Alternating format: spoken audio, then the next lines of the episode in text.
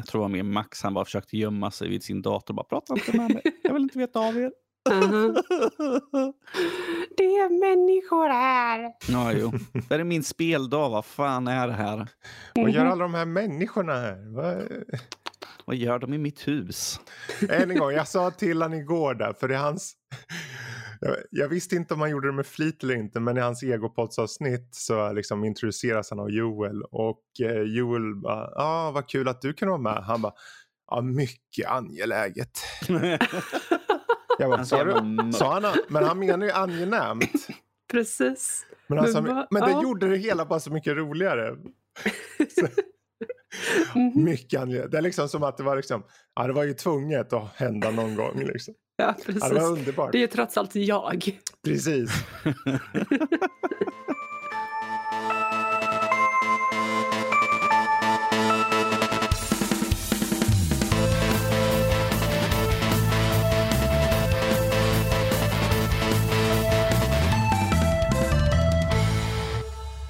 Hej och välkommen till Nördliv. Vi är tillbaka. Det är som vanligt.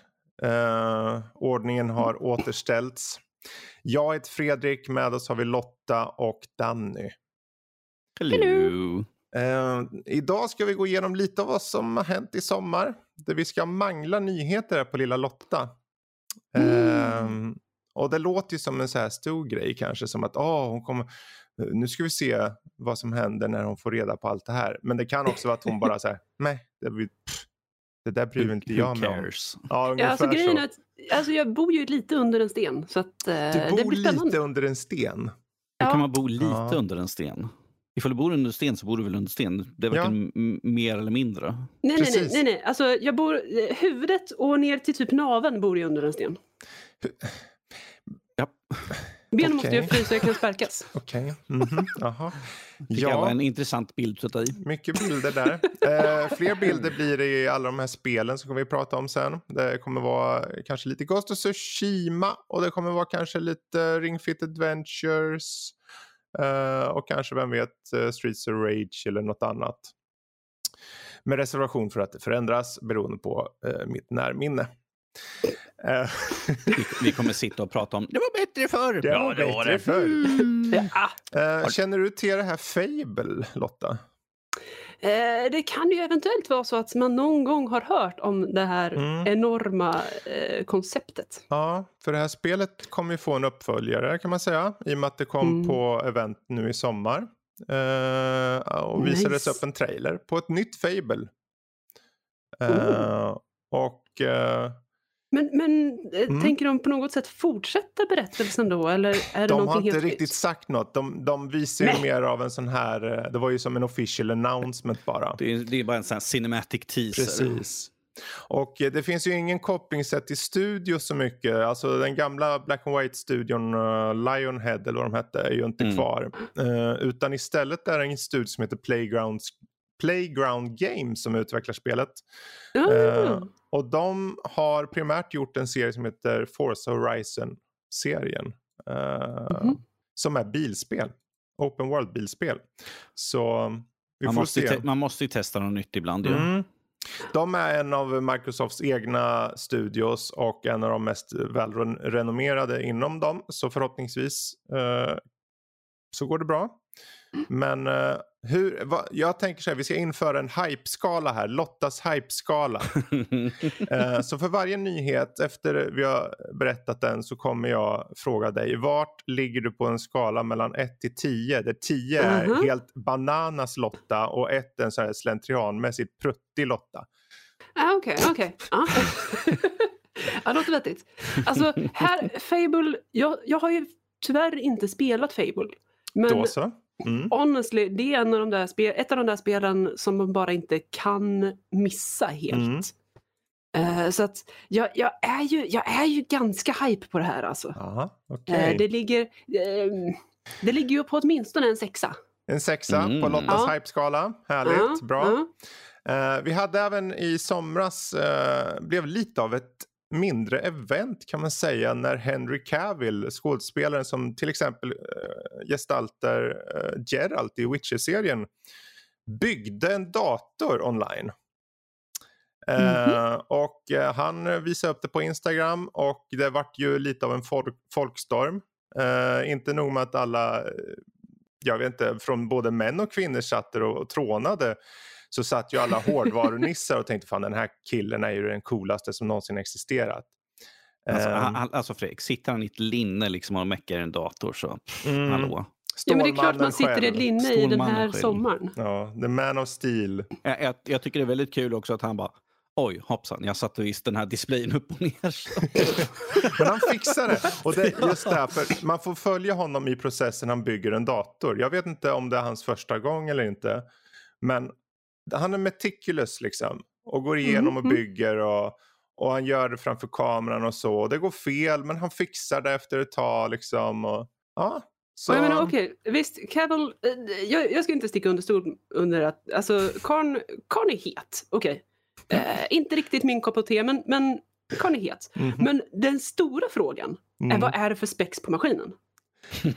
Det var väldigt bra spex på maskinen. Jag kommer inte ihåg alla delar men jag kommer Mhm. ihåg då när jag satt och kollade och tänkte ja han bygger en ganska bra dator här. Han är bra liksom. Det var Mm, allt från mm. Asus och det var liksom schyssta Mm, okej. nya liksom Mm. eh, beståndsdelar från typ uh, Corsair eller vad det var. Så alltså lite Var allt möjligt. Kommer du ihåg om det var en Ryzen-processor eller Intel eller? Nej, jag kommer inte ihåg det. Eh, men Mm. eh, oavsett så var den relativt stark för han är ju en, eh, Han är ju PC-nörd så vitt jag förstår. vad sa du? Han är ju en PC-nörd vad jag förstår. Ja, I alla verkligen. fall om man får lita på memesen om honom. Precis. Han, han, är ju, han har ju själv uttalat sig liksom att han är ju en gamer. Vad var det Mm. för något han höll på att missa? Han höll på att missa... Ja, alltså han missade ju auditionen för Man of Steel när han skulle få spela som Stålmannen. Mm. För att eh, han satt och körde WoW. Han Nice. sitter liksom... Vad fan, jag är mitt i en raid. Vad fan? Jag, jag tar det sen. Alltså, jag Åh, menar, jag kan så sympatisera med det här. han höll på att missa samtalet liksom på telefon. Han har en Ryzen förresten. Det var en Ryzen-processor. Okej, ja, ja, ja. nice, nice. Eh, så ja, jag tyckte att det var en, eh, liksom, en kul grej att se när det hände nu under sommaren.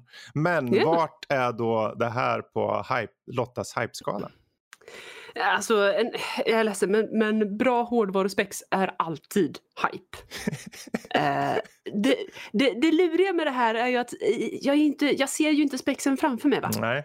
Men å andra sidan så är det också skitbra att man har en person med så stor offentlig profil Mm. och faktiskt drar ögonen till att faktiskt bygga sin egen dator. Så att Precis. honestly, bra role model-initiativ där Mm. av Cavill.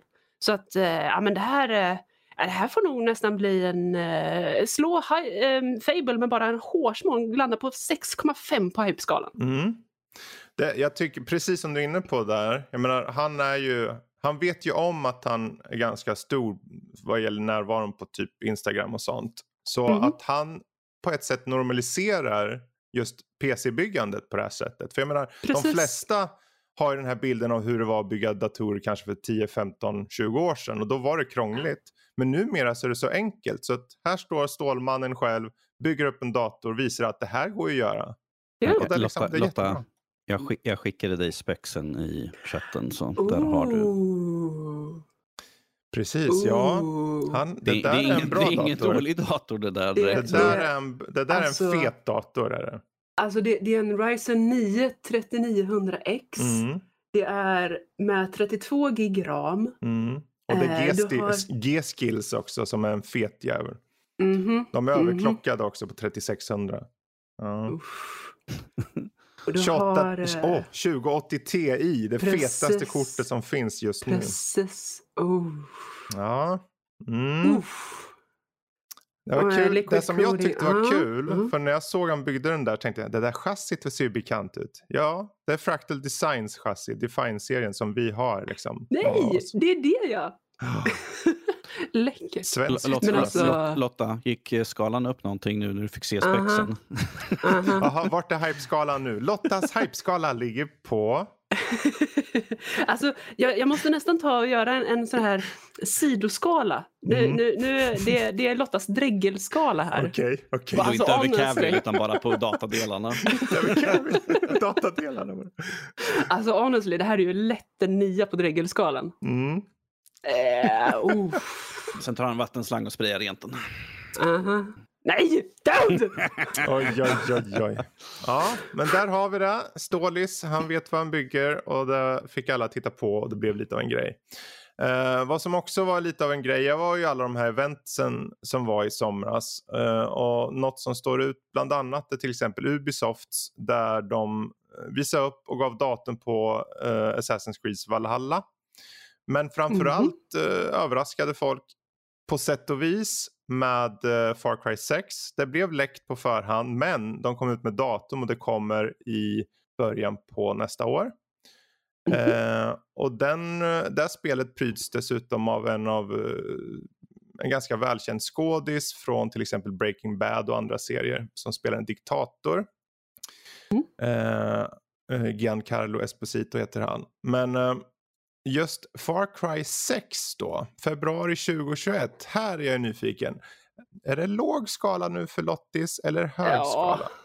Alltså visst, Far Cry-spelen, eh, återigen jag måste erkänna att jag har inte spelat dem, jag har bara sett dem bli spelade. Mm. Och visst, de har en hel del bra poänger, absolut. De, de har intressanta detaljer i berättelsen, eh, de är snygga, det, det, kan ingen säga emot.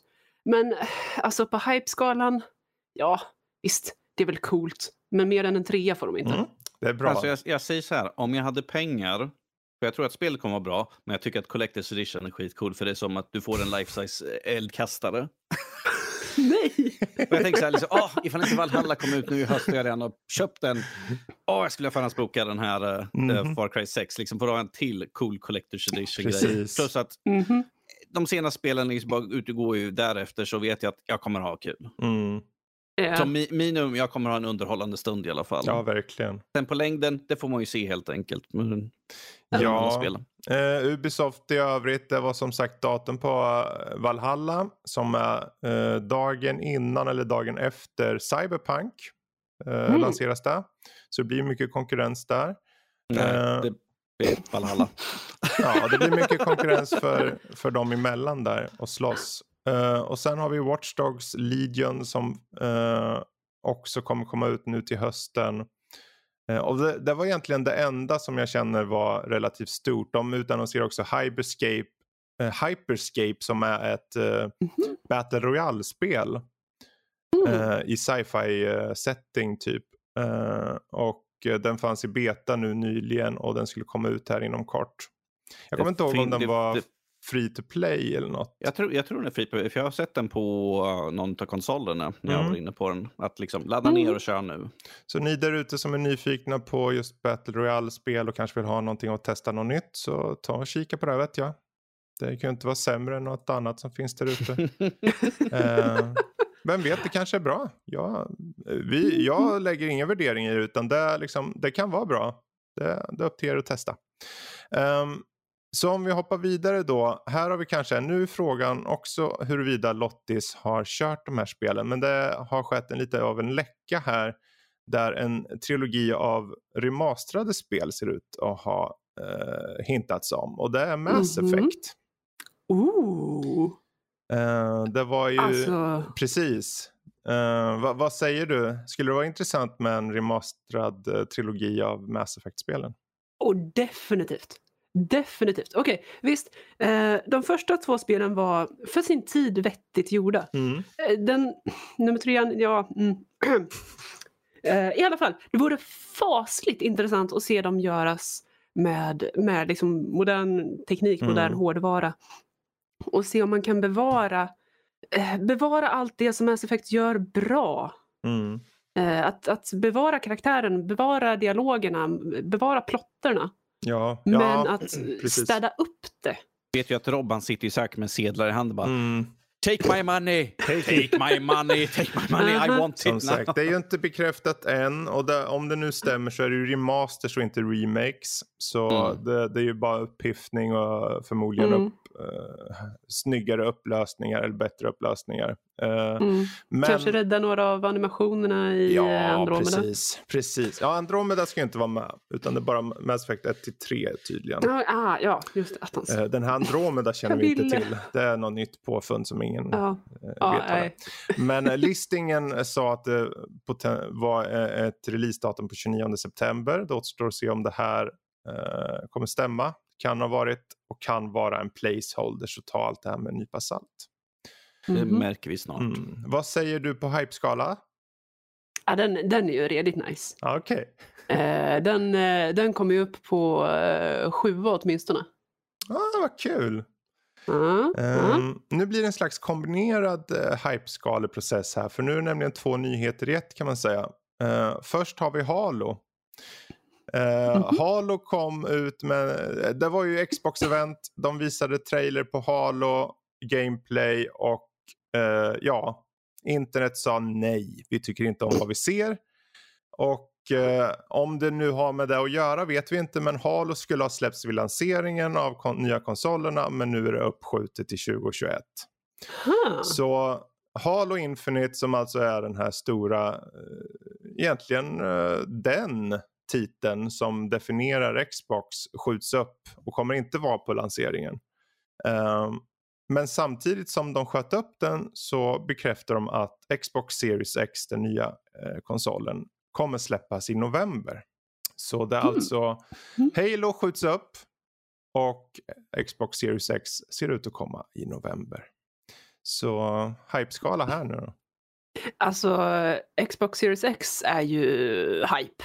Mm det är hype för att nu, nu börjar vi komma till, till nästa, alltså man brukar ju prata om att teknik går i TikTok-inkrementationer. Eh, mm. att, att du har eh, en stor banbrytande grej och sen har du finslipning. Mm. Så har du en stor banbrytande grej och sen har du en finslipning. Nu börjar vi ju komma till en sån här stor grej. Alltså, det, det jag verkligen är intresserad av att se det är när nästa generation av konsoler kommer och se jämföra. Och jag vill, jag vill ha benchmarks på olika spel och se verkligen jämföra skillnaden mellan dem. För det här, det här mm. kan bli riktigt fräsigt. Mm. Halo, det är en bajsmacka. ja.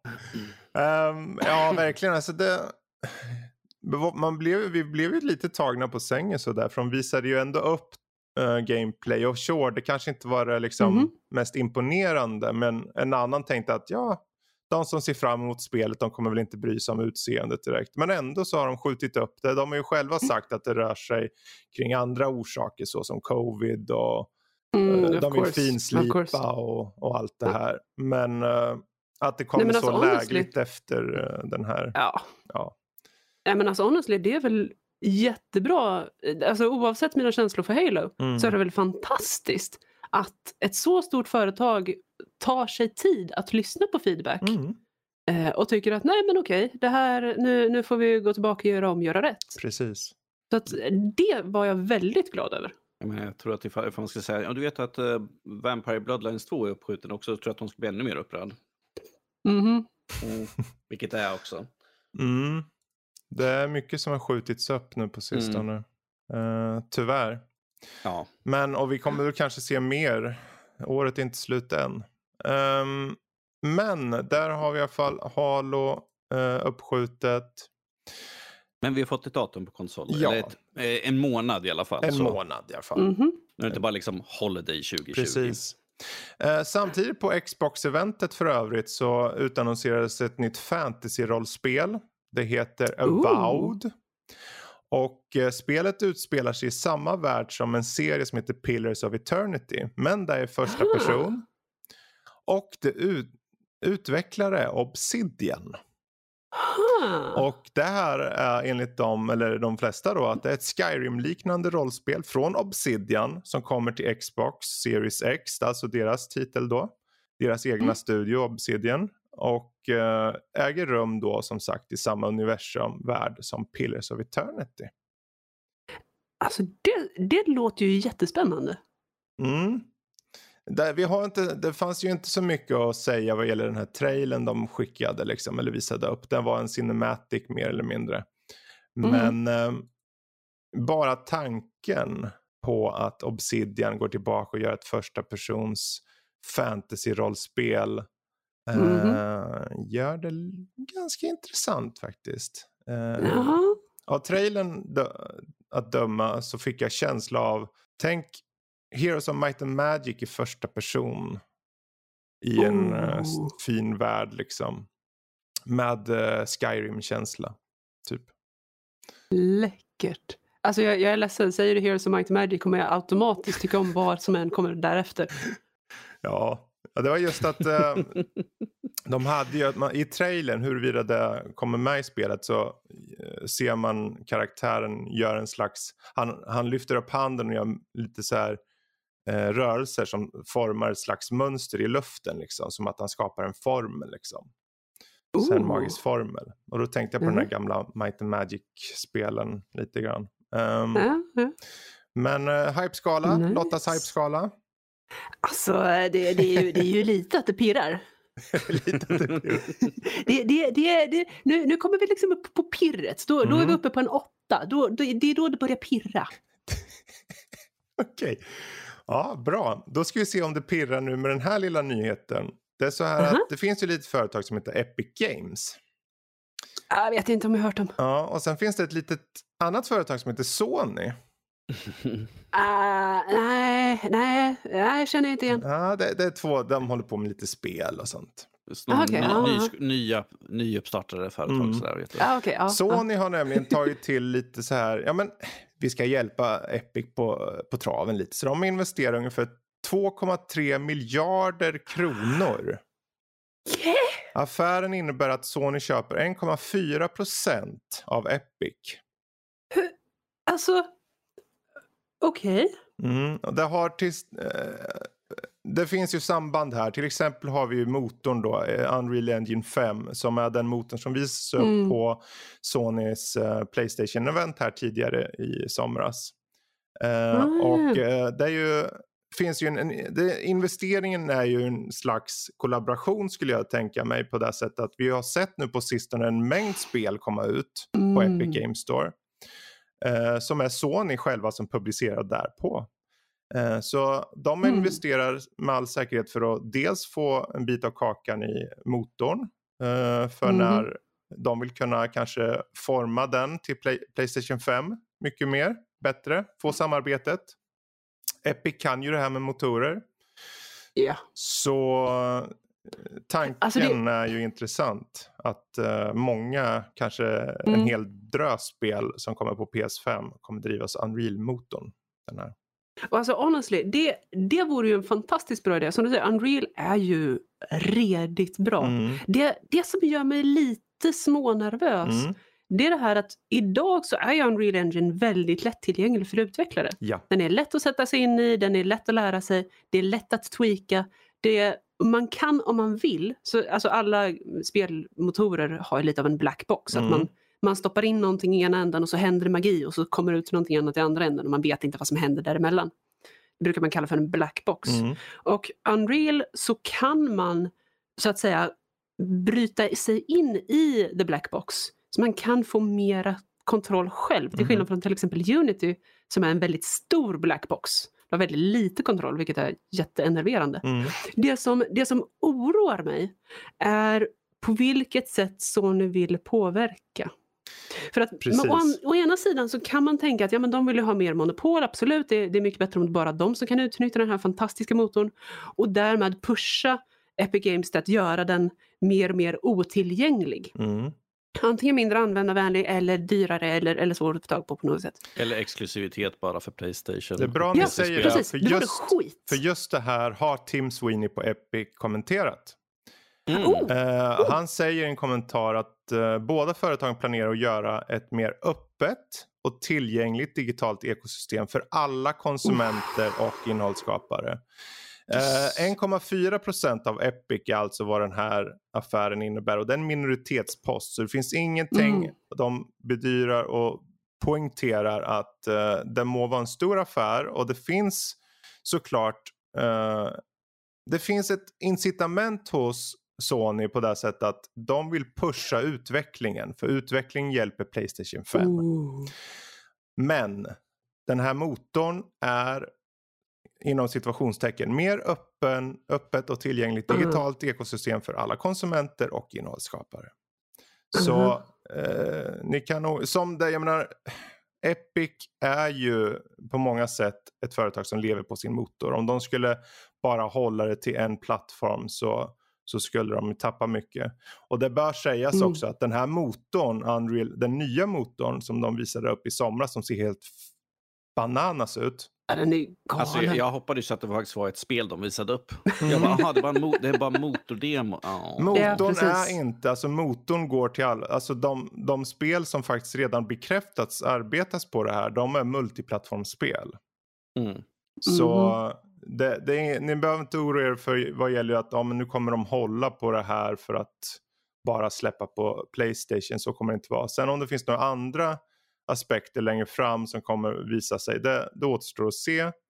Eh, men i nuläget så har i alla fall Tim Sweeney gått ut och sagt att det behöver vi inte riktigt tänka på. Utan snarare tvärtom att det ska vara mer öppet. Precis.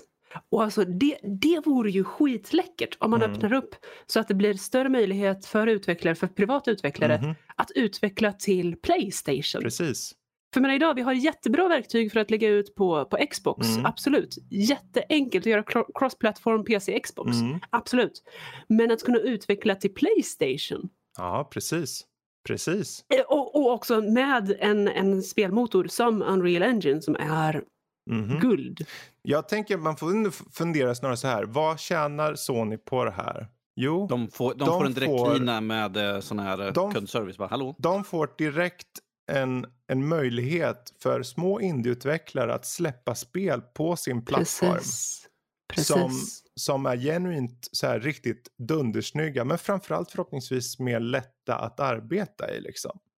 Mm -hmm. Och komma snabbare fram till att göra, liksom, behöver inte ha en utvecklingsprocess på fem år utan de kanske kan göra det på två, tre år.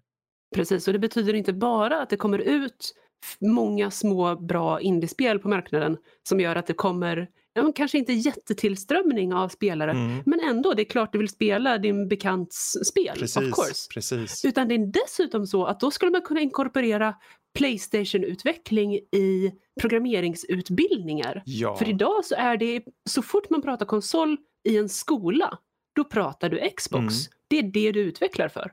Men att kunna få in det på universiteten mm. och kanske till och med på, eh, på, på gymnasieskolor med programmeringsprofil.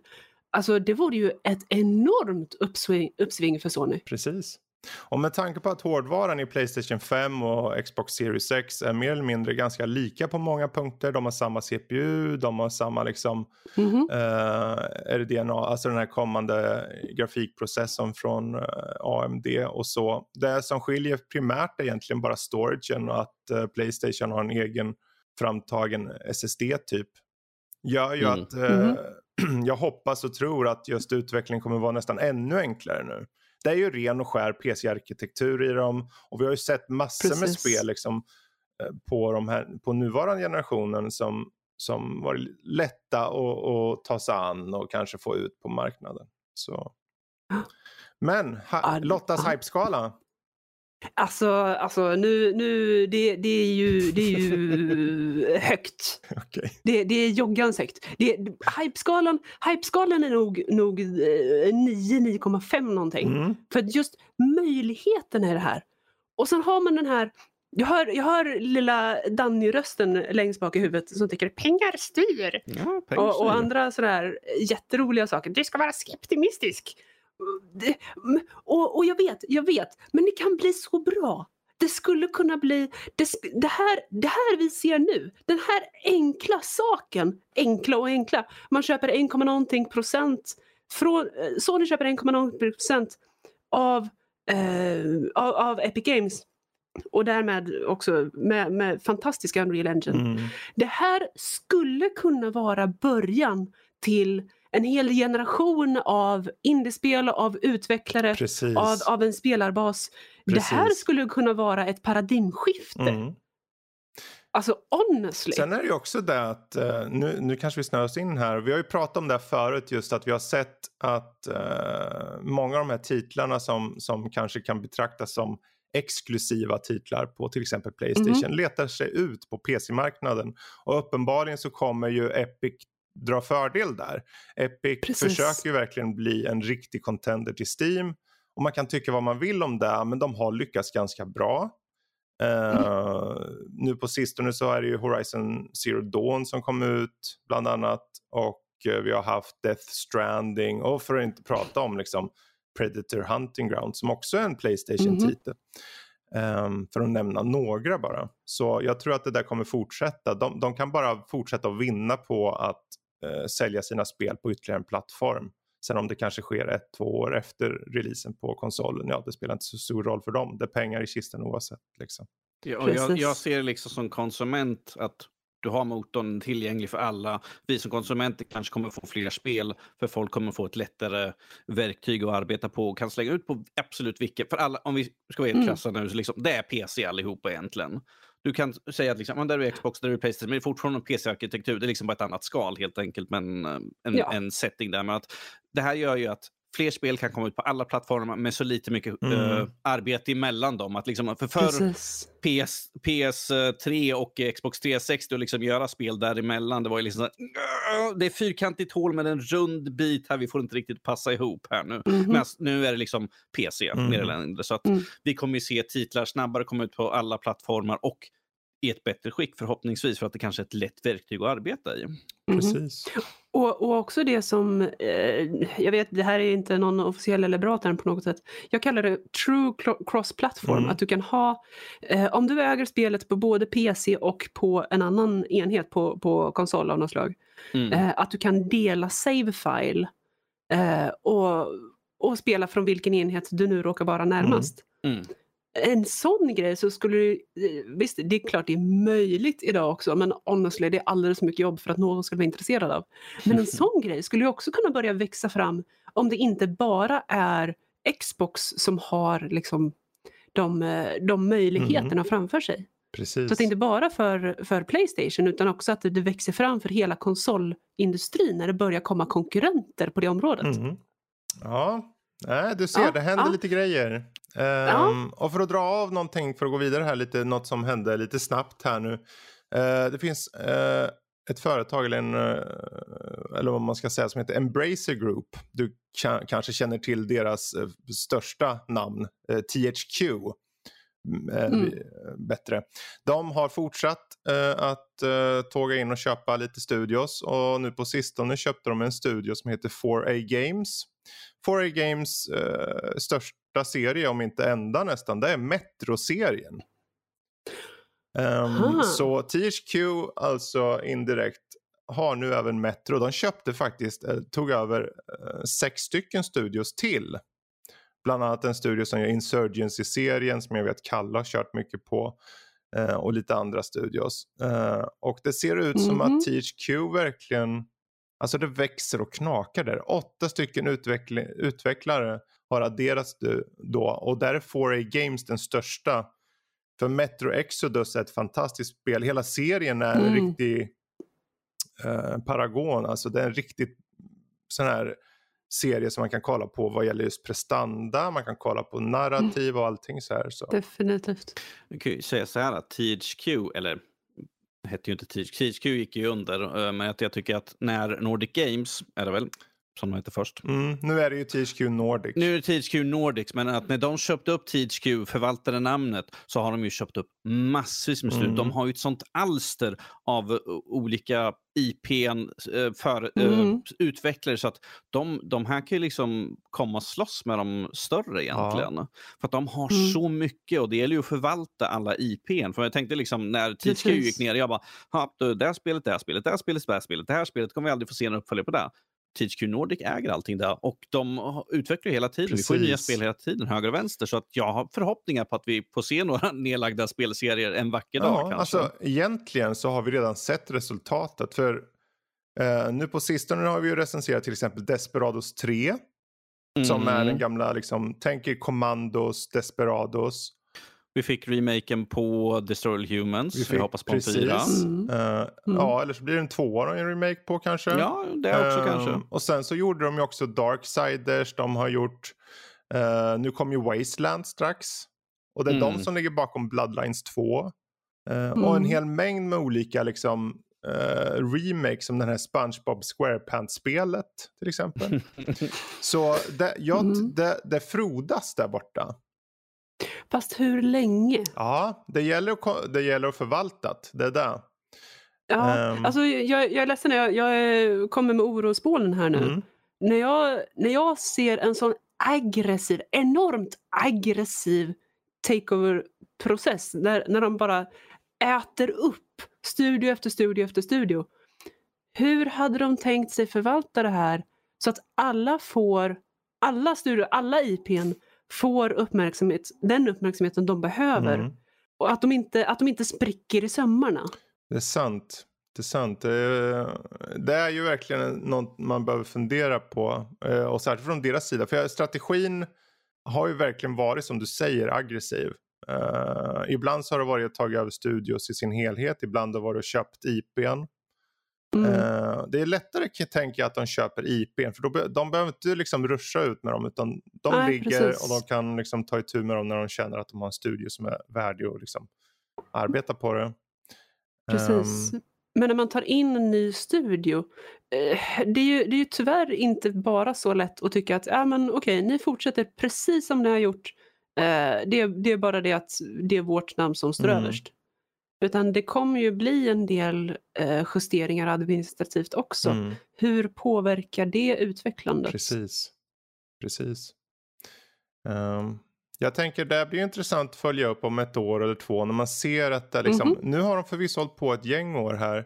Uh, och hittills har de fått, jag tror mycket handlar om att de såklart, de måste kunna tjäna pengar på spelen för annars kommer de ju, ja. menar, det är som med alla företag, om, om Destroy All Humans remaken inte säljer bra, ja, då, varför ska de göra en ny? Det Nej, blir ju så, precis. eller vilket spel som helst, Desperados 3 och whatever liksom. Um, de vill nischa in sig på de här schyssta titlarna som alla älskade men som kanske inte sålde så bra och där är en risk. Det är där risken mm. ligger, att det är fortfarande nischat uh, och säljer inte tillräckligt mycket. Då kanske det blir Precis. problem. Jag, jag, jag, hoppas bara att de inte går i the EA way och liksom, ja men vi tar det där vi behöver och sen tar vi och liksom cuttar vi ties liksom helt enkelt. Mm. Mm -hmm. Vilket de är kända för. Jag hoppas att de förvaltar mer de, de har köpt upp och sen ser liksom de har den här IPn, vad ska vi sikta Precis. på? Vad var populärast senast? Som till exempel Metro-serien har gjort väldigt bra ifrån sig ju. Mm. Eh, så att jag tror att det, det, är ju där de kommer sikta på först och främst. Exakt. Där, kanske. Ja, jag tänker just för utvecklarna av Metro-serien så är det väl en stabilitet där. Eh, mm. Såklart att få Precis. någon som, för dem, än så länge så verkar de genuint tycka om att förvalta de här spelen och låter sina spelstudios liksom, ja men gör er grej, här, vi producerar, eh, ger er pengarna och ni bara gör vad ni vill göra, liksom, ser till att det kommer mm. ut. Det är klart att de sätter väl deadlines som alla andra liksom, publishers, liksom. annars skulle ja, ett spel ta sju till tio år att göra och det, då tjänar du inga pengar. Ja. Det är inte Blizzard. Det kommer när det mm, kommer. Mm, precis. Men, Men det, jag, ja. det tycker jag är i alla fall skönt är att de kan under förhoppning att de gör, att, det, att de kör den här att nej, men ni fortsätter arbeta på det ni håller på med. Mm. Vi står för pengarna bara, men ni fortsätter mm. arbeta på som ni gör. Så tar vi och pratar, går igenom hur det ligger till och så sätter vi ett datum därefter. Men att fortsätta mm. det ni gör. Det är nog det bästa. Alltså det, Speciellt för utvecklare cool. tror jag att inte känna här bara vi måste prestera jättehårt, vi måste göra det här jättesnabbt. Utan liksom, fortsätt, gör, gör, det bästa ni kan. Ifall du slänger ut ett spel för tidigt i dåligt skick, vi vet vad som händer. Det är yeah. ingen som klarar sig bra ifrån mm -hmm. det. Men å andra sidan om du låter ett gäng utvecklare sitta så länge de vill tills de är helt nöjda då kommer det aldrig ut något. Precis. Det, det, det är där vi har liksom patcher som kommer efteråt. Sådär. ja, precis. Men så länge spelet är liksom 1.0, det finns inga stora liksom så här kill the game-buggar eller något sånt där. Eh, Nej. Så eh, då är det en go. Allt efter det så är det liksom bara förbättringar. Mm. Mm. Vad säger Lottas hypeskala om det här då? Nej, jag är nervös. Mm. Jag är nervös. Jag skulle vilja ersätta hypeskalan med eh, nervositetsskalan. Ja, skakande knäskalan. Vad säger nervositetsskalan som är 1 är typ meh, ingenting och 10 är typ jag skriker? Ja, 10, 10 det är, jag, jag är på level 1 i Diablo 1.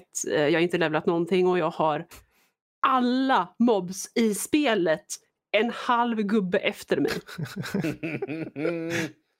då, då är det här, alltså, oh, det, här, det här är läskigt. Vart ligger du då i den här skalan? Uff. Ja, jag, jag, är, jag är nog på en femma. Mm. Det, här är, det här är obehagligt. Mm. Mm. Det är inte så att jag skriker, men obehagligt är det. Pro problemet med något sånt här är att det kommer dröja oss ett par år när vi får se liksom vad som händer. Precis. Det här är inte någonting vi ser på någon det. månad. Att liksom, ah, men vi får en rapport här, liksom, de har tjänat så här mycket pengar. Det säger absolut ingenting. Vi måste ha ett par års mm. rapporteringar och se liksom, hur går de, går de upp, går de ner, spelen de har släppt. Så det är Precis. tyvärr ett mångårigt projekt att köpa upp någonting. Ja. Precis. och där... när vi som konsumenter ser resultatet, då är det ju för sent att ändra mm. någonting. Mm. I nuläget så är det ju deras kontinuerliga, kontinuerliga släpp av titlar som redan finns nu. Vi ser ju, det har ju kommit massor med spel redan i år. Och genom mm. att försäkra upp de här kommande spelen så kan de, de som de köpte för ett år sedan, för två år sedan, kommer komma ut nästa år och sen så kanske då här kommer pö om pö kommas ut utan att man känner att de står stilla liksom. Mm. Uh, och än så länge, de, de siktar ju in sig på, de siktar ju inte in sig på dubbel, trippel A, det är knappt dubbel A ens ibland. Men det är mm. på gränsen till dubbel A, det är välgjort, men det är nischade spel ibland uh, inom olika genrer. Uh, mm. Men om vi hoppar vidare då, kanske till något som inte är lika roligt. Um, Bloomberg hade en artikel i somras nu, det var den här reporten Jason Schreier som täckte egentligen sexismen som finns hos Ubisoft. Och sexismen mm. var så pass eh, grov egentligen att flera av ledarna har fått avgått. Oj. Um, det fanns, för, det fanns en misconduct, eh, det var skandaler med harassment och sexism och... Uh... Otrohet och sådana saker. Gisses. Otrohet? Ja, men det var ju jag tror det var, vad fan heter han? Eh, han som var creative director på Valhalla mm. fick gå för att han hade varit in, involverad i någon fuffens och otrohet. Eh, för han skulle liksom ta sin tid och umgås med familjen, försöka patcha upp det han kunde. Mm. Eh, så det var ju väldigt mycket och sen kom det ut rapporter om hur de pratade och hur de tillverkade spel som till exempel att man, vi kan ta bara en kvinna. Kvinnor säljer Ja, inte. där har vi också ytterligare en aspekt. Precis, att uh enligt då, för det, massor av, det fanns en, sexismen var så pass grov att eh, ett par spel till exempel, ta till exempel Assassin's Creed Syndicate. Då tonade mm. de ner, det fanns ju två karaktärer där, Ivy och hennes bror Jacob. Men för att eh, bossarna bara, ja men det här med kvinnor det säljer inte, det, det funkar inte. Um... Så Ivis roll påstås då tonats ner i London-äventyret för att bereda mer plats åt brodern.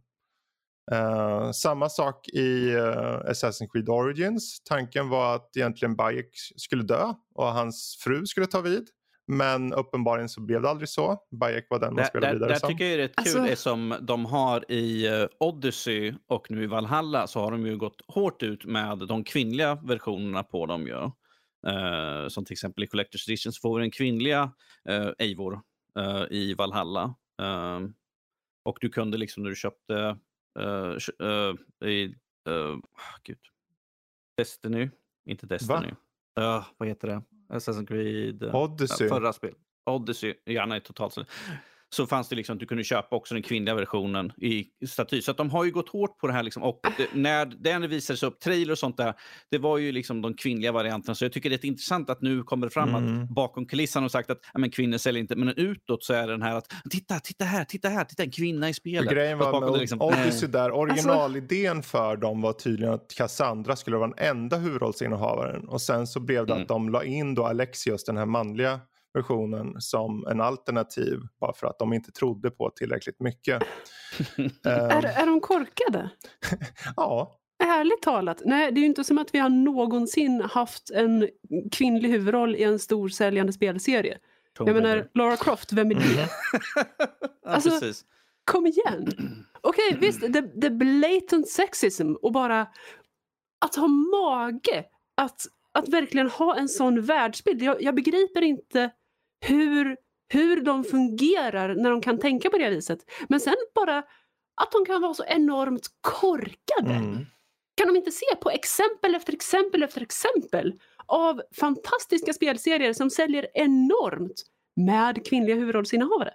Uppenbarligen inte, men så är, inte de kvar hos Ubisoft. Ju så.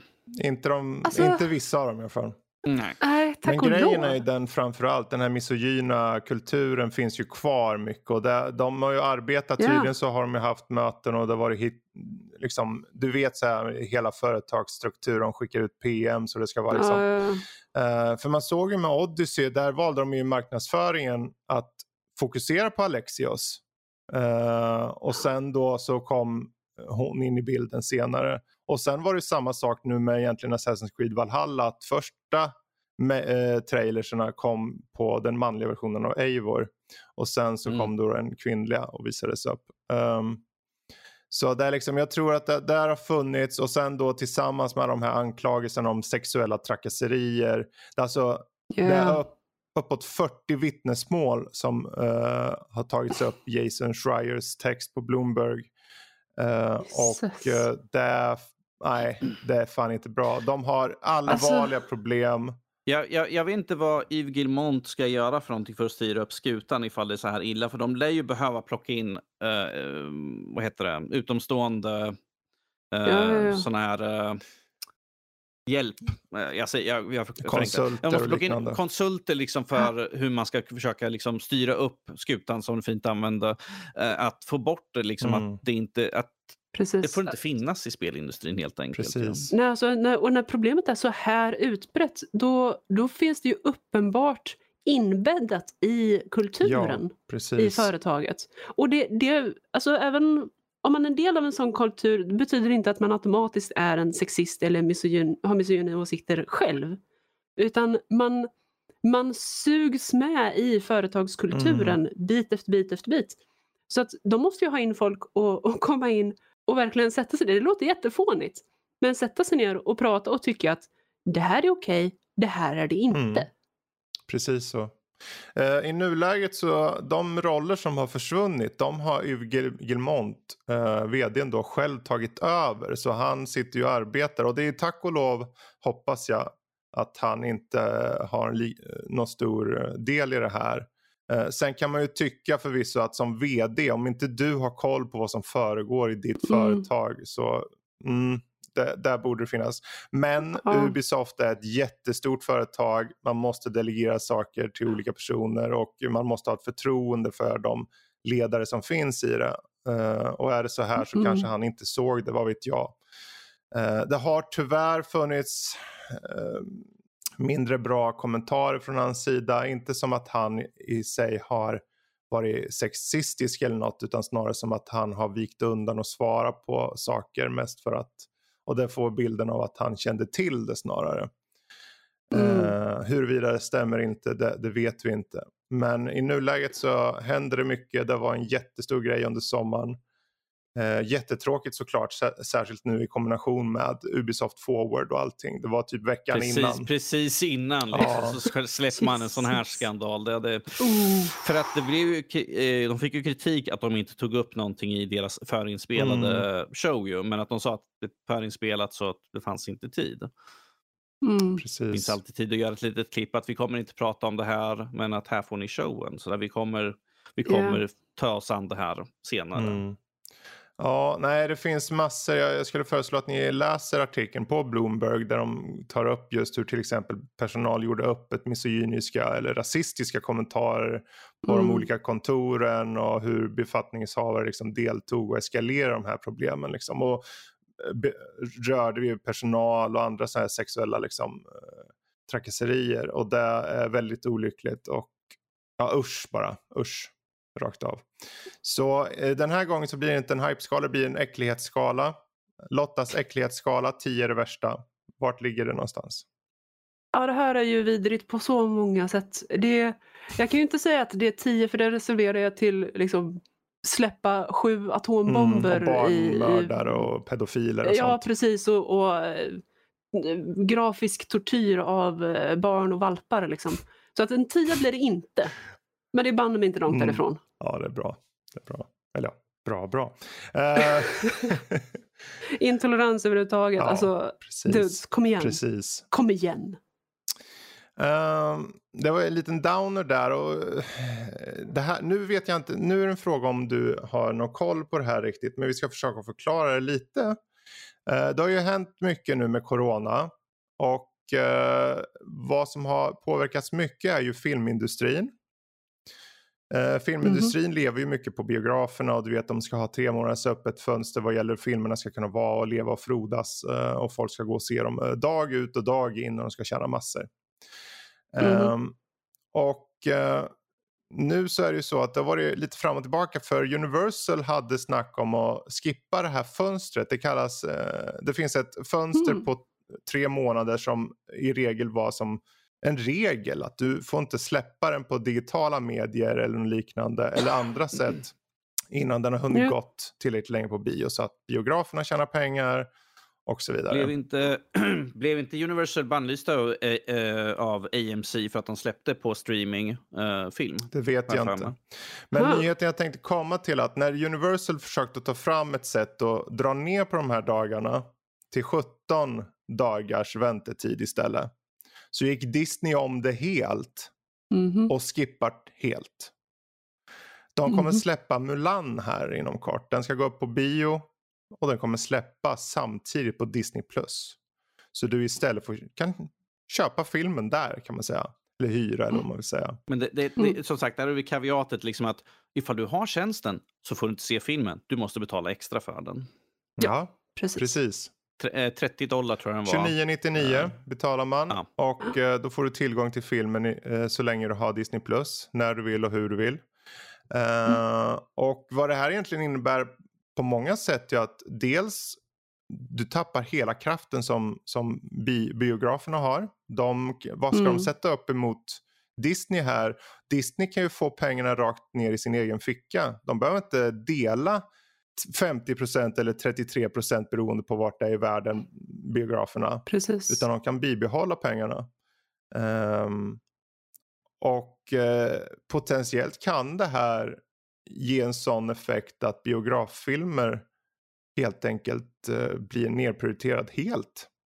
Mm. Um, och framförallt, nu först var det ju 17 dagars väntetid som föreslogs mellan då AMC-biograferna eh, som till exempel äger Filmstaden bland annat eh, och Universal. Och där fick de verkar få till en affär. Men nu när Disney gick förbi där och tog bort helt de 17 dagarna. Det finns ingen väntetid. De kan släppa vid lanseringen av en film samma dag på sin digitala medie. Så uh, kommer vi se döden för biograferna i frågan? Vad tror alltså, ni? Det här, det här är ju ett väldigt smart sätt av Disney. Inte som, uh, som sagt, Disney Plus släpps ju snart här i vår mm. del av världen. Eh, i vänta, efter vi har väntat väldigt länge. Så här. Men nu kommer mm. det snart så att det är så många nya territorier som de kommer släppa liksom ifall de har nya filmer på direkten dag mm. ett. Varför ska du gå till bio för? Åh, oh, fast där, där håller jag inte här, med Speciellt dig. det här att, ja, nu har inte jag gått på bio sedan februari tror jag var sist jag gick. Men jag, känner inte att jag vill gå ännu förrän jag vet liksom att ja, men det är ingen fara. Du sitter i en salong. Visst, det kanske är en stol emellan, men att vill jag sitta instängd i ett rum med massor med andra jag har ingen aning ifall de är sjuk. Även om jag har mask. Mm -hmm.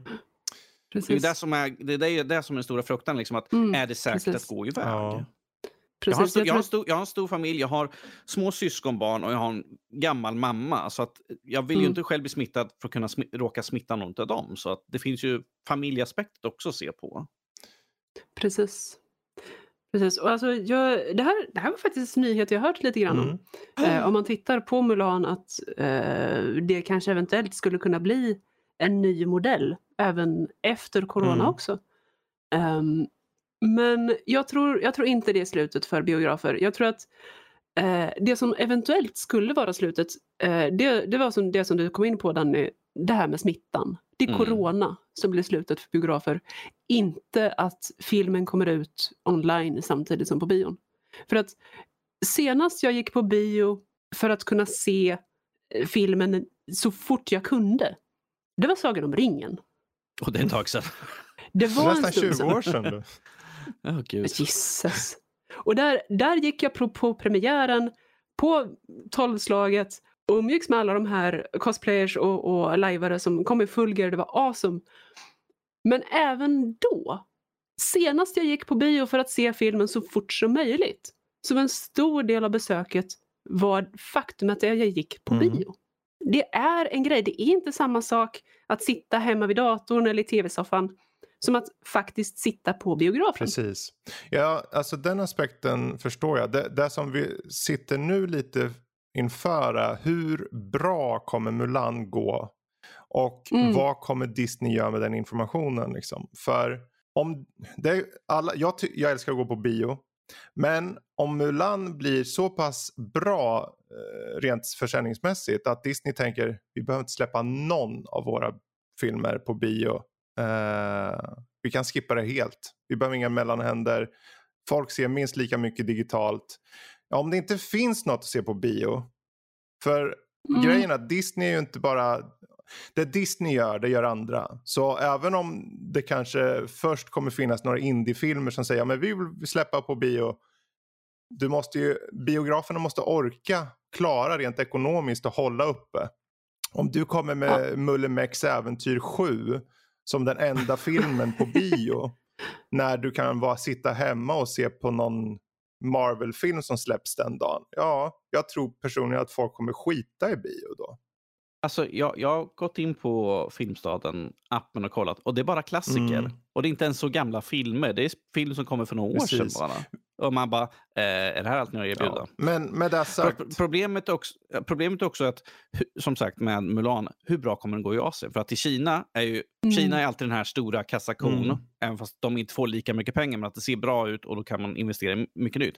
Hur bra kommer den sälja liksom, och ha den via streaming jämfört mot att gå på det bio. Det hänger ju mer på, jag, jag tänker inte det spelar, jag, Kina spelar ingen roll här. För de kan utgå enbart från USA. De behöver bara se rent statistiskt hur många som köper det och istället, istället för att gå på bio. För att få en inkling. För Mulan är ju bara en film.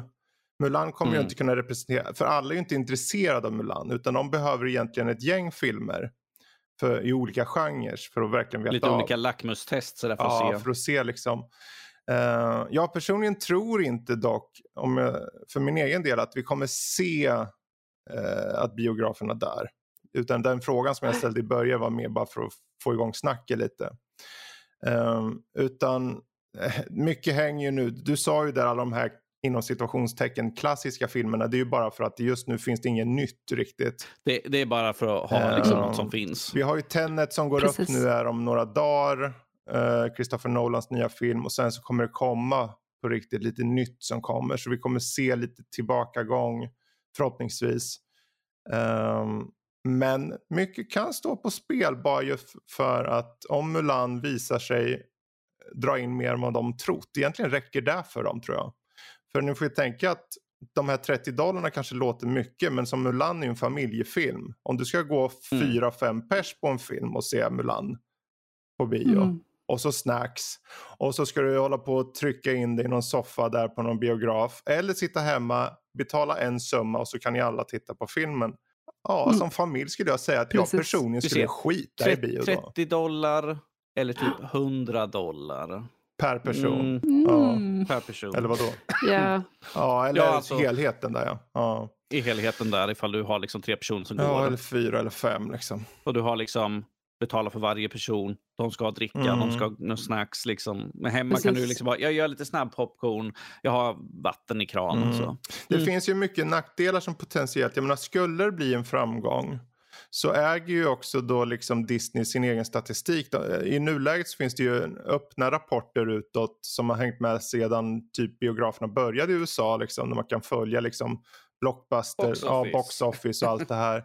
Men det blir ju då möjligheten att de kan ju dölja sin statistik. Alltså ehm. streamingtjänster är hemska, hemska ifall man vill se liksom, hur bra har en film eller en serie gjort för att de släpper nej, inte det. Och varför liksom, ska de? De liksom? behöver inte. De, de har ingen Precis. anledning Precis. att släppa dem. De bara, nej men det går bra. Fast det kanske inte gör det. Så men... just det här med att skippa mellanhänder, de får prenumerationen, de får även kostnader på, på, för filmen betalt. Och eh, de kan ju på pappret egentligen så nås minst lika lätt samma summor som till exempel Avengers Endgame för de får ju inte behöva dela vinsten. Jag menar, i USA så är det 50% av uh, intäkterna som tas av biografen. I resten av världen är det uh, biografen tar typ 70 Eh, mm. Kina tar 80 till 85 procent. Du får, pengarna i Kina det är mer ett skäl för att visa upp sig, ungefär som du sa förut Danny. Mm, um, det ser bra ut. Än att de faktiskt tjänar pengar där. Um, Nej, den är ju minimal egentligen. Det är ju bara för den här, titta vad precis. mycket pengar vi tjänar Och egentligen om de kan påbörja prenumerationsgrejen här nu i USA och se att det tjänar pengar och sen bara nu uppenbarligen så kommer, vad är det, 15 september eller någonting till till exempel Europa och Sverige i alla fall definitivt. Uh, så får vi se vad, egentligen, vad som händer av det här. För som det är just nu, ifall de släpper Mulan fristående på deras streamingservice och på bio, de har ingenting att förlora. De, de tjänar extra pengar på sin egna service mm. för att mm. de äger hela skiten. Och de, de som inte liksom har streamingservicen, de kanske går på ja. bio och ser istället. De får en mindre bit av kakan, men de får fortfarande en bit av exakt, kakan då. Ja. Exakt. Mm.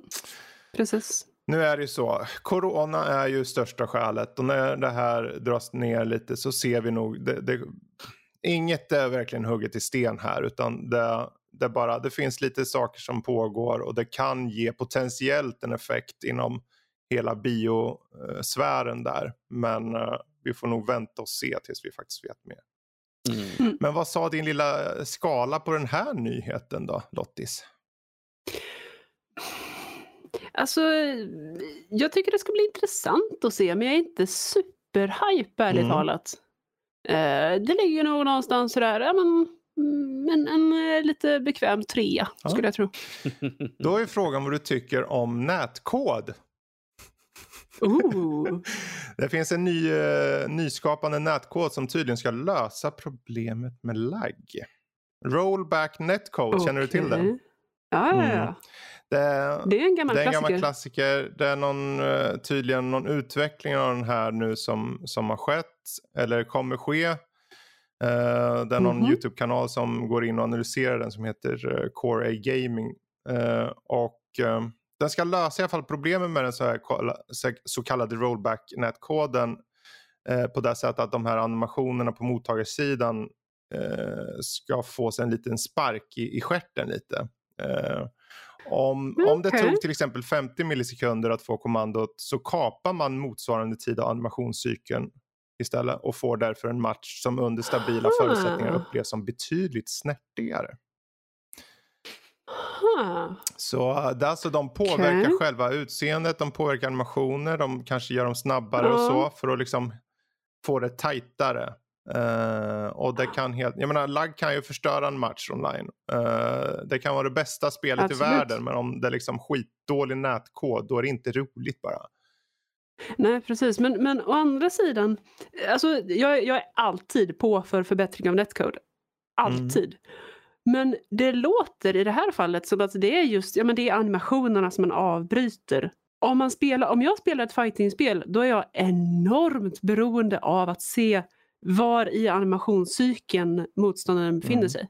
Där, alltså, om, om, jag har, om motståndaren håller påbörjar en animation som jag vet är 15 frames lång och han är färdig efter sju, då har jag missat min input för länge mm. sedan. Nu var förvisso det bara ett exempel. De går igenom i den här videon och det kanske vore kul för dig att titta på en analys, analys yeah. om den. Uh, att det, det, är massor med liksom kompensationer över hela koden där de försöker att bespara okay, saker och okay. ting. Uh, yeah. Och jag vet inte, vad, vad, tror du, hur, hur viktigt är det med att få, få den här en nätkod att bli förbättrad egentligen? Åh, oh, det är livsviktigt. Särskilt nu i coronatider när det blir, alltså även stora turneringar körs på mm. distans. Mm. Då måste man ha en redigt bra netcode. Att, alltså, hela, hela IPn kan gå under på grund mm. av det här. Eller hela IP kan, kan, lyftas upp, det kan bli någonting på grund av att de har en vettig netcode. Jag, jag tror att, att, den bara allmänt behöver fixas. För jag har sett liksom, uh, e-sportsturneringar där de har varit på i sitt egna ställe och de kan inte mm. få sin egna nätkod och fungera som det blir. Liksom, jag kommer inte ihåg, det var ju känt, de körde sten, sax och påse för att avgöra matchen. Mm. Och man bara, what the fuck är det här? Ni, det ska vara professionell e-sport och ni kör sten, sax, påse för att avgöra vem som vann för att er nätkod var så skräp och den ena blev utkickad hela tiden. Jesus. Ja, så att det, här, det här är livsviktigt. jag är alltid eh, hypad över att liksom se, eh, se hur man hittar nya vägar. För att nu, det, det är lite som jag pratade om tidigare, den här TikTok-utvecklingen. Mm. Att nu har vi nyligen, jag har för mig att det var Street Fighter senast som gjorde den här stora förbättringen. Eh, och det har kommit med små, eh, små finslipningar nu senaste, I don't know, tre åren mm. kanske? Två, två, tre åren. Um, men åh, jag är redo för nästa stora steg. Så att, ja, jag, får, jag får absolut ta och kolla in i det här. Vad säger din lilla hypometer om det här då?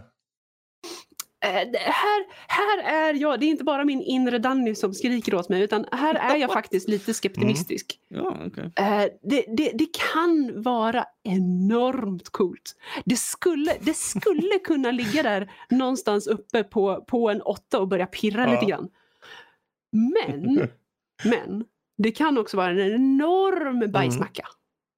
Med bara tomma löften och, och försämring av gameplay som allt, är beroende av att... Allt beror ju på att se utförandet i slutändan. Det är ju där vi får vänta på helt enkelt bara. Ja. Mm. Precis, precis. Så att det, här, det här är Schrödingers uh, hype meter. Den är, den är både jättehög och jättelåg samtidigt. Okay. den är schizofren. Den är ja. i lådan och uh, samtidigt är den i en bäver. Ja, precis. Eh, bra. Okay. eh, Schrödingers kattlåda. Mm. är koden bra eller en dålig? Är det en kattprutt eller inte? Den är ja, både och på samma gång. Är det kattprutt eller kattpurr? Eh, den är både och på samma gång. Det är väl det som är, man vet precis, inte. Precis. Um, Ja, alltså det har ju hänt mycket i sommar. Uh, jag tänker uh, vi ska nog ta och runda av ny, nyheterna, nyheterna lite här nu. Uh, det har hänt både det ena och andra. Jag menar, Apple har ju stoppat Project X-Cloud. X-Cloud i sig lanseras nu i september. För alla som har Xbox Game Pass så får ni X-Cloud att köra. och de har 100 titlar ungefär eller vad det var. Och det är mm. alltså att du kör över molnet. X-Cloud kan man säga. Du har ju testat på. Jag har kört. Liksom. Det funkade förvånansvärt bra faktiskt. Uh, mm, okay. Jag satt och körde på telefon. Uh, vad var det för något? Ja, det var något bilspel och sen så var det något typ så här Gears. Var inte Forza du körde? Eller något jo, sånt Forza och sen körde jag Gears of War på mobilen. Med en handkontroll i mm. Superenkelt, funkar som smort. Uh, men allt det där får vi ta en annan gång. Så jag tror istället ska vi hoppa vidare till... Eller vänta förresten, det finns ju en sak som är lite tråkig förstås. Den här mm -hmm. E3-grejen. Åh, oh, suck. Ja. det, här, det här är nog banne med den enda nyheten som jag överhuvudtaget har vetat har funnits under sommaren. Och eh, det, jag fick höra det häromdagen, jag, jag ser på eh, Philip DeFranco show eh, och eh, han tog upp den här artikeln eh, som E3 publicerat mm. som heter The Games We Play 25 online games that women enjoy. och det ska vara en lista på 25 spel with free online games for mm. women. Nå, Vissa som har hört mig ranta tidigare om sexism och könsroller och hur kvinnor ska vara är ganska övertygade på att de, de vet vad jag tänker om det här. Det blir ännu det. bättre. Mm, självfallet, så att jag vet vad jag ska tycka om för någonting som den duktiga kvinna jag är. Uh, det blir ännu bättre. Mm. Uh, och det är när jag läser upp några av titlarna som är i toppen på den här listan av Free Online Games. Märk väl. Nummer ett var ett sudoku-spel. Okej, okay. okay. jag tycker om sudoku. Men det är kanske inte mitt nummer ett-spel ever. Sen har vi Sayonara Wild Hearts och Candy Crush Saga. Ja, men det gillar alla kvinnor. Ja, självfallet. Andra spel uh, var spel som Sims 4. Ja, yeah, sure. Det är ett bra spel, men uh, på en 25-lista. Sen har vi Star Chef och Kim Kardashian Hollywood Adventure. Jag vet att du kör det dagligen. Ja, yeah, clearly. oh. Alltså, Jesus. Och, och kommentaren på de, Självfallet var jag också Bejeweled Classic med för att you know, Candy Crush som egentligen bara är en Bejeweled kopia uppenbarligen måste man ha mm. båda versionerna på listan. Bejeweled är ju bra och den i alla fall. Ja, det, precis. Och det är inte de här makro... Uh, jag ska inte gå in på vad jag tycker om King som spelföretag. Anyway, uh, när de skulle kommentera Bejeweled så skrev de Diamonds are a girl's best friend. Am I right ladies? Eller, eller okej, okay, ett spel som faktiskt var bra, Overwatch. Okej, okay, jag förstår att det är med på en, en mm. topp 25-lista. Absolut. Och där kommenterade man det och skrev Women like it since it has a lot of female heroes to portray, giving them the chance to hold their own amidst the boys and for its fantasy element. Okay. Alltså, okej, okay, visst, fine. Trace är fantastisk. Absolut, men... Och grejen är att det... Jag kan, jag kan inte ens bli arg längre. Jag kan inte ens bli arg, men det här är E3. De borde banne mig veta bättre. Jag är bara så joggans besviken. Ja, det känns lite som den här spiken i kistan också för jag menar E3 dog ju ut mer eller mindre i år. Det blev ju ingenting på grund av corona och allt det här. Vi får se om de kommer. Precis. De har ju sagt att det ska vara ett event nästa år men och sen så kommer de med sådana här dumma tweets och eh, innehåll liksom. De, de gör sig inte tjänst, själv några tjänster direkt genom kommande. Nej, verkligen inte. Nej. Ja, de, de besvarade i alla fall det här på uh, Twitter med att uh, skrev eh, We messed up, we are taking down the post and apologize for perpetrating a harmful stereotype. We will do better. Och eh, vi får hoppas att de på riktigt har tagit till sig det. Eh, och vem nu som skrev den här artikeln. Eh. att komma med We will do better tror jag, ifall man skriver och vet folk att nej det kommer ni inte göra för att jag har sett så många gånger folk, folk har sagt vi kommer göra bättre men att det händer mm. inte. Ja och alltså grejen är den här artikeln det kan inte ha varit ett misstag. Nej det är ju en artikel. Honestly, det kan inte vara så att den har blivit granskad och någon har tyckt hmm, ja, yeah, ja, yeah, det här låter bra, det här låter som något vi står för. Utan antingen så har de gjort det med flit för att vi ska prata om det and you know, they succeeded, congrats. Eller så är det de facto det de tror är vettigt. Mm. Och honestly, jag, jag, har, jag har mer och mer tappat förtroendet för mänsklig intelligens de senaste fyra åren. Men kom igen. Behöver vi verkligen mer större klyftor mellan oss? Behöver vi mer tjafs? Men lilla Lotten, du måste ju få höra vad du ska spela och tycka om. Det förstår du väl? Åh, ja, det är klapp, klart. Klapp, jag vet inte det utan att jag... Sätt ja. dig där borta nu och spela dina spel. Jag menar, ja, precis. Jag att, måste... kom, att komma liksom ut och säga liksom, det här är de topp 25. Vad, jag skulle vilja se, liksom, vad är din källa till det här i så fall?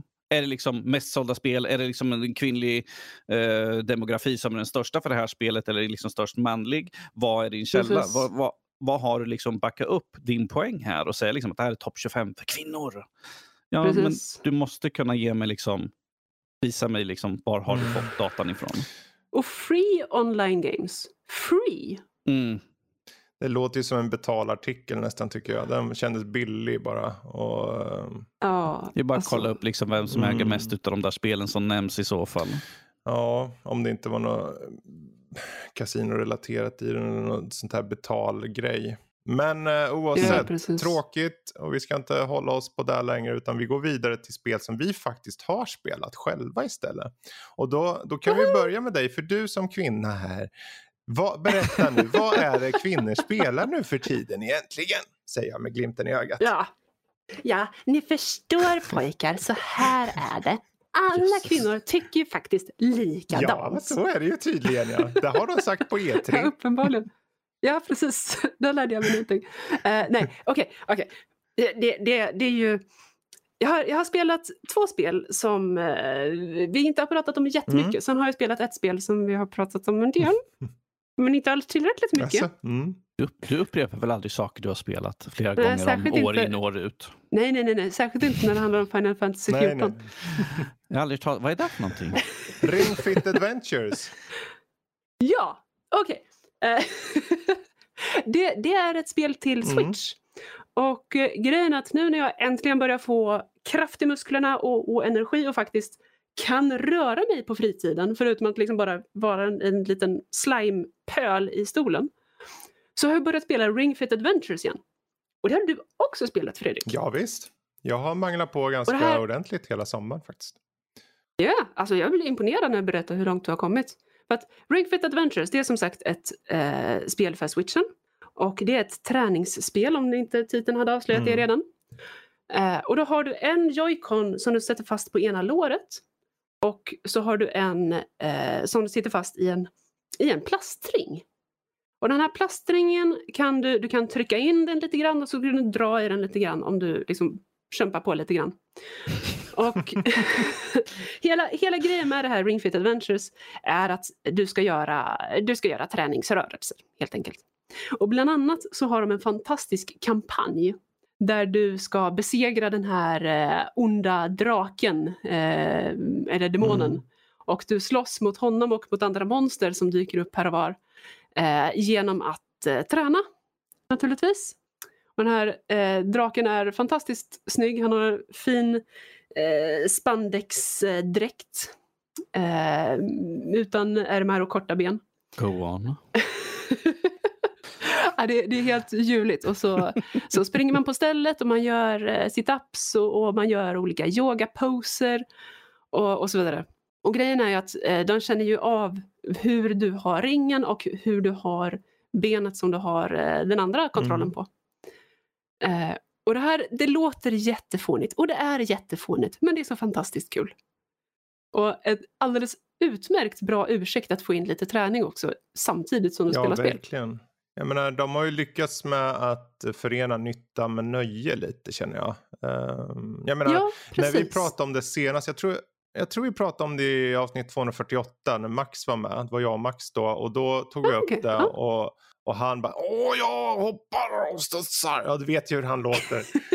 um, och sen dess så, jag körde inte så mycket under våren av någon anledning. Utan det var nu till sommaren som jag bara, nu plockar jag upp det på riktigt och kör lite. Och Ja, alltså rollspelselement i ett spel. Du levlar, du tar över uh, nya världar. Jag är uppe i mm. level 65, 66 någonstans. Um, Stiligt. Och det är liksom spelets, spelet har bra incitament att fortsätta bara utifrån att, att det är ett spel, ett riktigt spel så att säga. Uh, yeah. Och du kan välja olika liksom, så här, drycker för att förstärka vissa saker och så. Även om jag jag kör lite så här, jag försöker undvika all form av dryck och sånt. Mest för att då blir det jobbigare för mig i striden och då får jag ut mer träning mm. ja, precis. Och, och det här att det är så mycket glimten mm. i ögat. Alltså, till exempel en by som jag tycker är helt fantastisk som man passerar igenom eh, och som hjälper en träna för att besegra den här onda mm. draken. Eh, och som man också hjälper dem att bli av med lite monster och, och sådär. Eh, den, här, den här byn heter Sporta Uh, This is, not... Sporta! Yep, mm. yep, the one and the same. Uh, och, och, hela rollspelsgrejen där med att uh, The Sportans uh, är, är så mycket coolare och tuffare och starkare än, än alla andra. Och hur hårt The Sportans tränar. Och sen när man är färdig med byn att man har liksom kämpat mm. sig upp och, och blir en av de absolut starkaste och till och med The Sportans hedrar dig och det, det, är så, det är så gulligt och så fånigt och, och så mycket självdistans. Mm. Ja, men uh, vad tycker du om det då i sin helhet? Åh, jag tycker mm. om det. det. Det är jättehärligt. Och det är också, det är också vettigt ur ett träningsperspektiv. Eh, det, det uppmanar dig till att träna olika muskelgrupper mm. så att du inte får en ensidig träning. Eh, du kan ställa in eh, en ganska stor skala av vilken svårighetsgrad du vill ha på. Eh, så att du inte tränar för hårt. Mm. Och påminner dig med jämna mellanrum, om du märker att du verkar börja bli trött, så påminner den dig om att dricka, kanske skulle avbryta för mm. dagen och sådär. Och ha bra eh, system för uppvärmning, stretchning och, och också cooldown efteråt. Och, och se till så att du hjälper mm. dig med mm. träningsverk och sådär.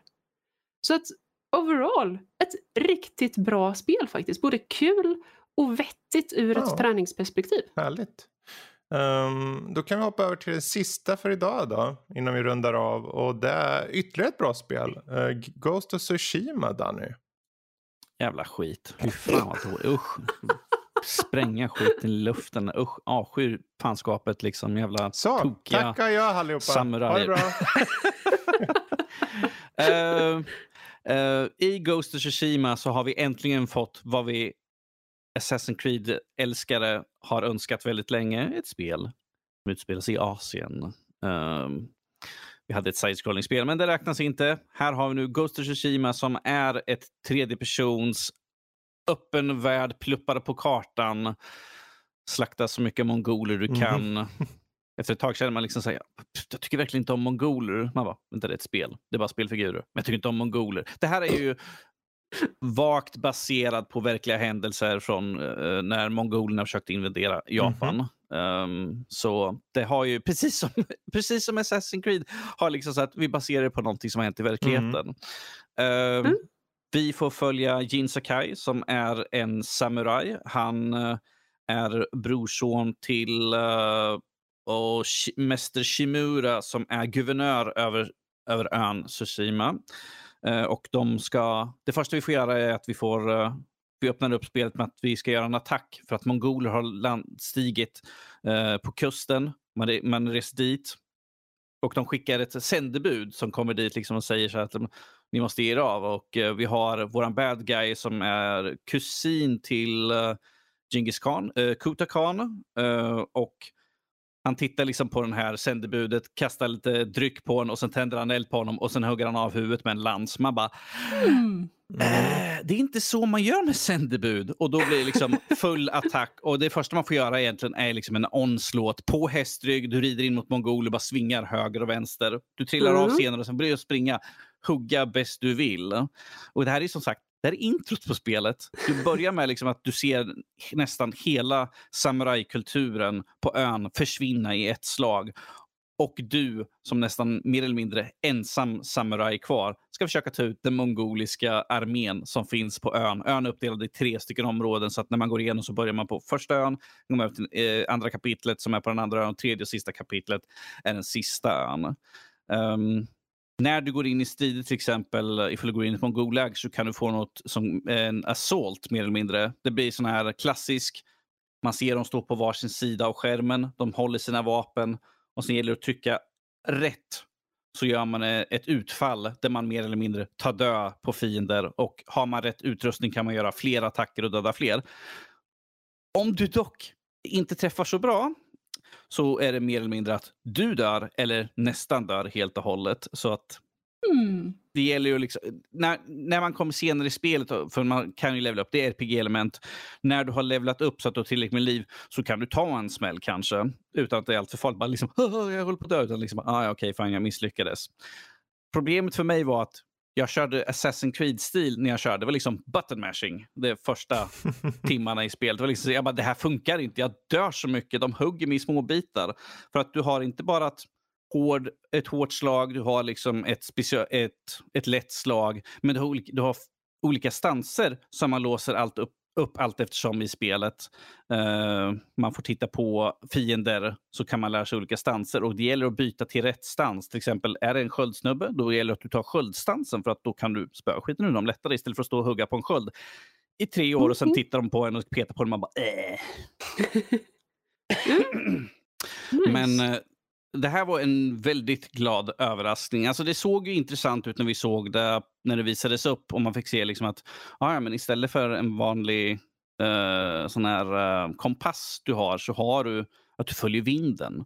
Du trycker jag tror, upp på uh, D-paden så kan du se liksom vinden du visa liksom, på vart du ska röra Ja, just det. Så var det. Ja. Swipar uppåt ehm. på touchdelen så kommer en vind som visar okej, okay, det är den här riktningen du ska mot. Du, jag vet att du hade, väl, du hade väldigt problem med det där och skulle önska att det hade varit en minimap. Nej. Jag har att du sa någonting Nej, att du skulle alltså, önska att det fanns en, min, en minimap ja, ibland. Ja, alltså, det var mest själva kartan i övrigt. För jag kollar mycket på kartan. Man kan ju se på kartan också. Mm. Uh, och uh, jag kände att ja, men jag satt ju fortfarande och då får man ju klicka på en knapp för att se på kartan och sen så okej okay, där och då är det dit jag ska. Så man, an, man kommer ju till att använda kartan oavsett då så då kände jag men om det fanns ett alternativ att ha en minimap så kanske. Men jag tycker just valet ja. mm. de har gjort rent så här estetiskt är ju väldigt tilltalande med vinden.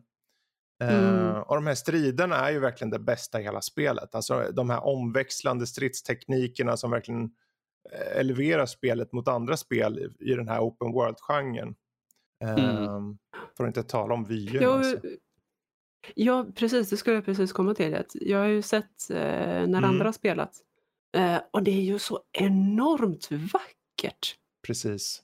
Eh, de, de här eh, stora böljande skogarna av, av eh, sakuraträd, oh, eller, eller bergen, det dramatiska landskapet är ju så enormt mm. vackert.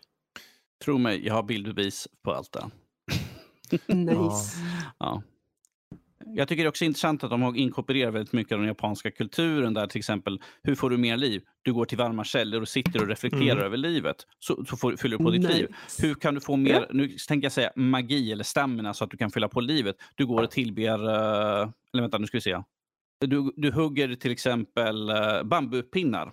Du ska hugga mm. sju stycken, då får du mer stamina så att säga. Uh, du kan göra haikus. Eh, och, få, och, då får du ett pannband som hjälper dig och sådana saker som kan vara... Det är de bara är bara för syns skull. de är kosmetiskt ja. sådär, men att, jag tycker det är kul att de har bakat in så mycket.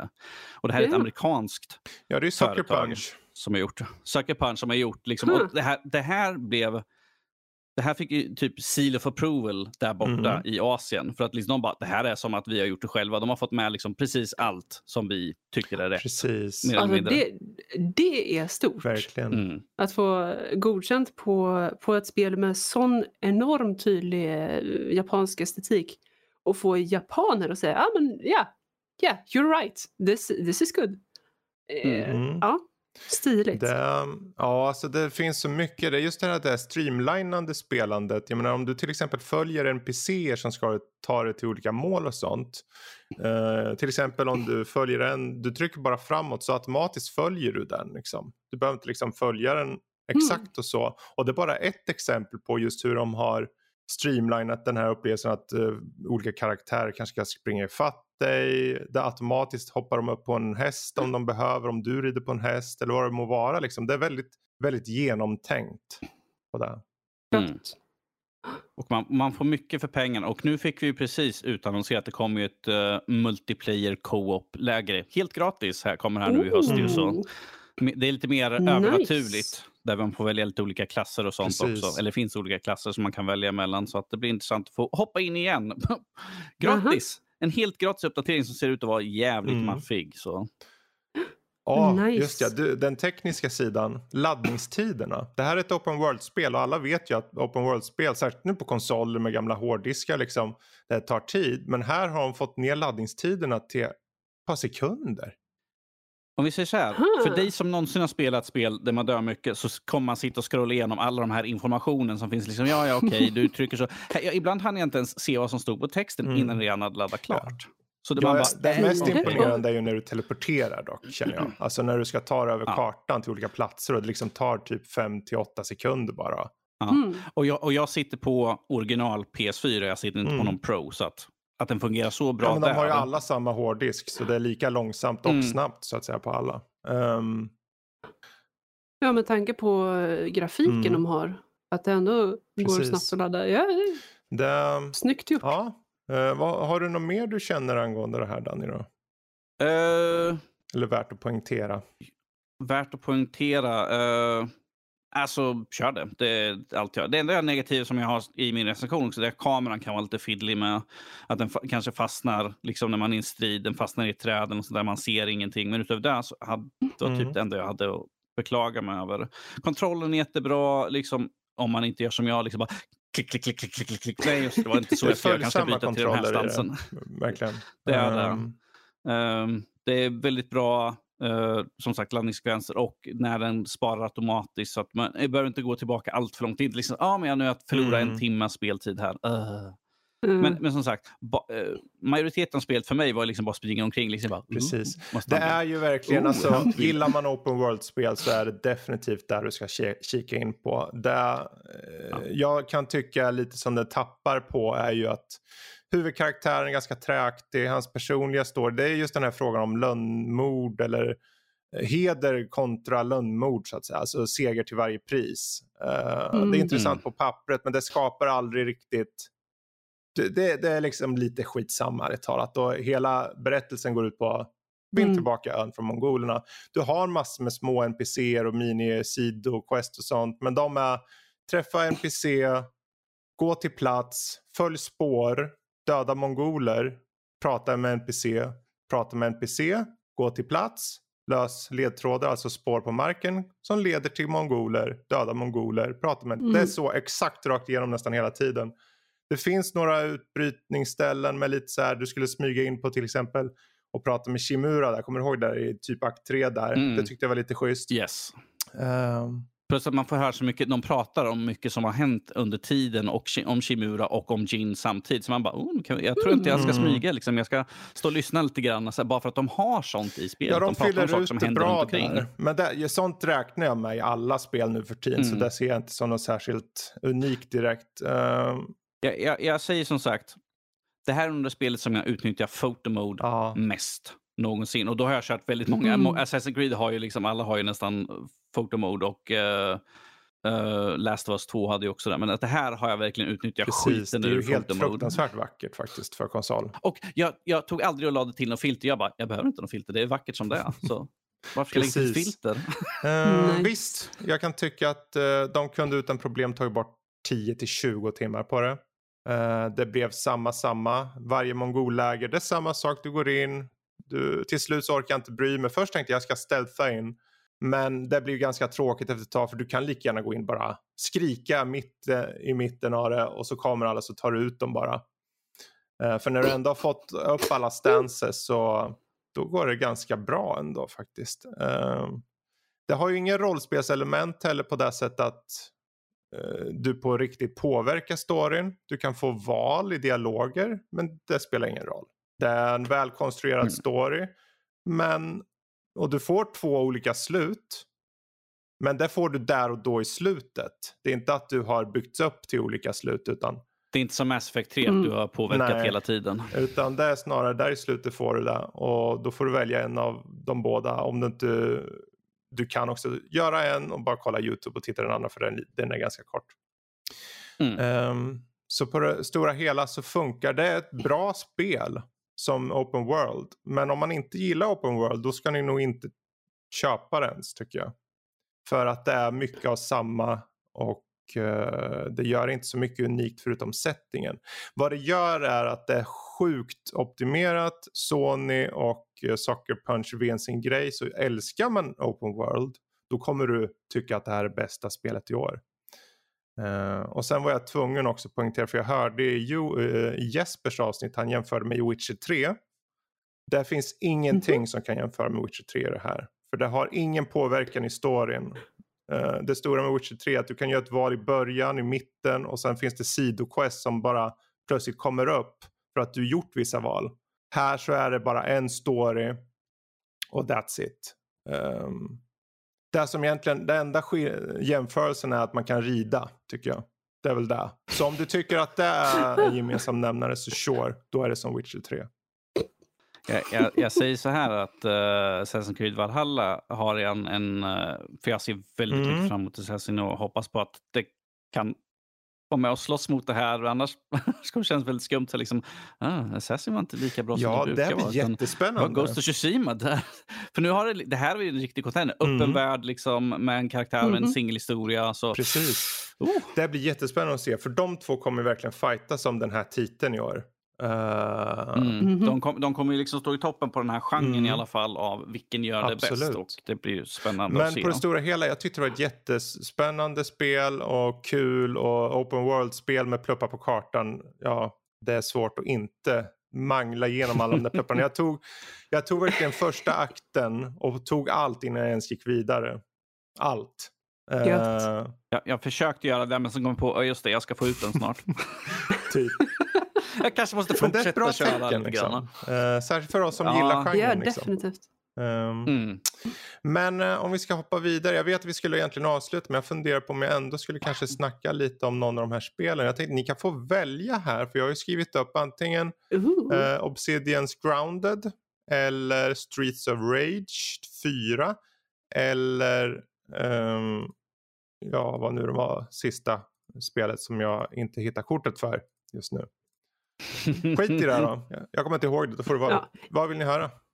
Lotta, vad vill du höra? Eh, jag är nyfiken på Grounded. Ja. Vet du Älsklingar krympte barnen? Filmen. Ja, uh -huh. det är det. Fast Crafting Survival, fyra ungdomar i en gräsmatta på bakgården. Is glorious. Pro problemet dock att säga det, det är early access. access. Um, det är ehm, väldigt begränsat. Det är begränsat sett till story. Uh, du kan köra mm. igenom storyn ganska snabbt. Vad körde vi igenom på ett par timmar? Vi gjorde det på, vi gjorde det på en kväll. Ja. liksom sådär. Uh, men det är ju precis som alla sådana här craftingspel. Du ska ju bygga hus och du ska liksom ha ett försvar och mm. sen kommer myror och attackerar dig och alla de här hiskeliga eh, jäkla spindlarna. Hua. jag skrek ganska mycket. Ungarna bara, varför låter norsken så konstigt? Rädda mig! Oh. De bara suckade högt ja. sådär. Ja, men de dvärgarna är coola. Det, ja. det, alltså det är ju uppenbarligen early access för du har en buggar här och var och ni hade ju, Danja, du hade ju problem med spelet stängde ner sig. Jag blev kick, kickad. Mm. Vilket är irriterande för att allt du har på dig... Nej, inte det, kickad, det alltså, du blir kickad från spel. Det säger liksom krascha. Och problemet är liksom allt du har på dig mm. borta. Och jag hade så mycket Precis. grejer. Liksom, jag, bara, jag kan bygga massor. Sen liksom kommer man in igen man bara... Exakt. Ja, måste gå och leta igen på allting. Exakt. Mm.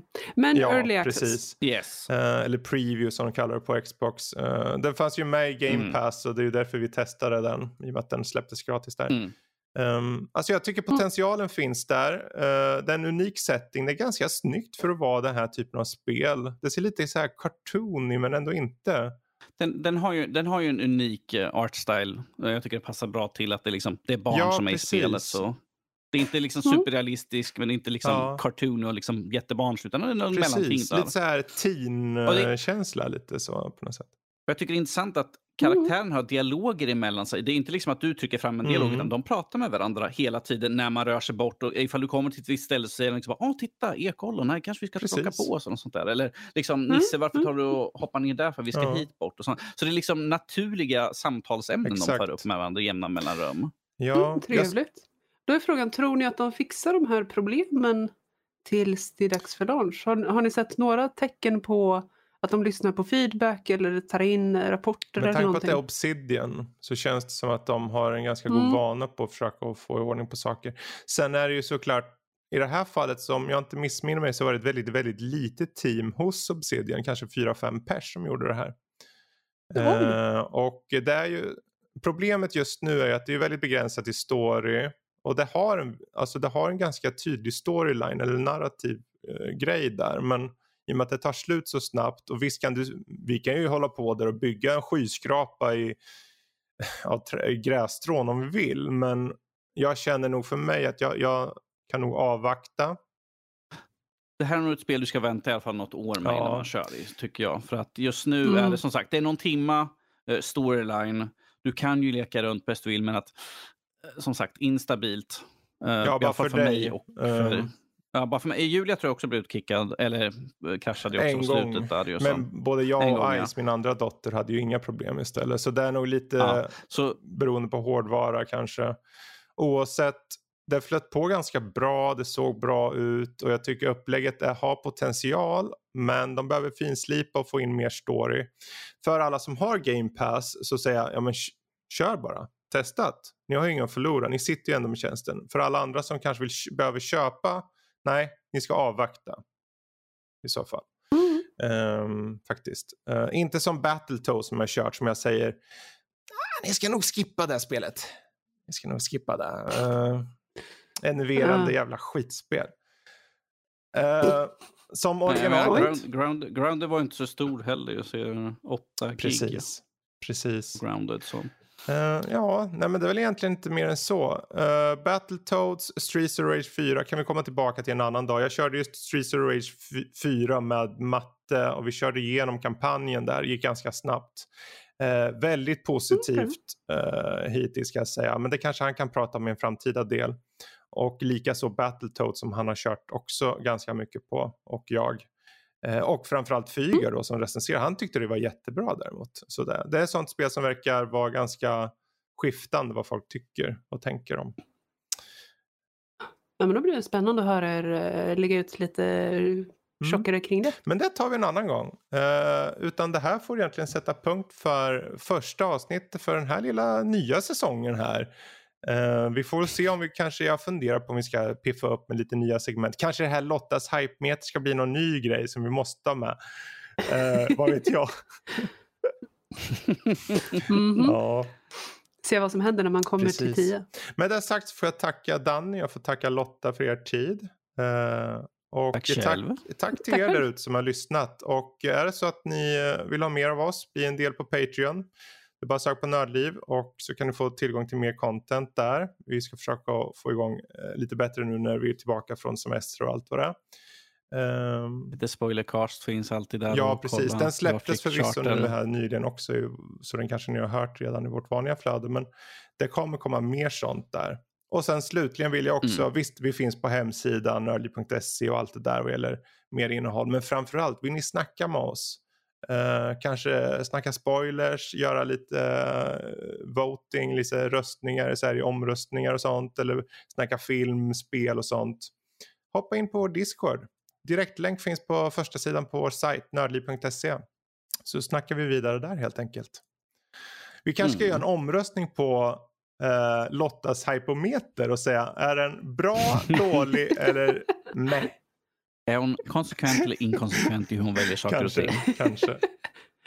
Precis. Hur, hur hypade är, ni på hypometern? Ja, där har vi Jag ska göra en sån sen efter här ska vi se. Och referera till avsnittet kanske. Men eh, stort tack allihopa så har ni gott. Hej då! Ja, Toodaloo!